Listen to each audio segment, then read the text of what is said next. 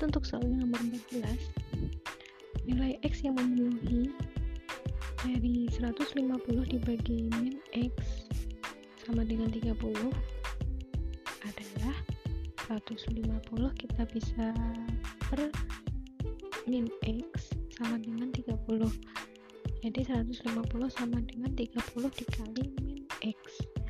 150 sama dengan min 30 X 150 per min 30 sama dengan X.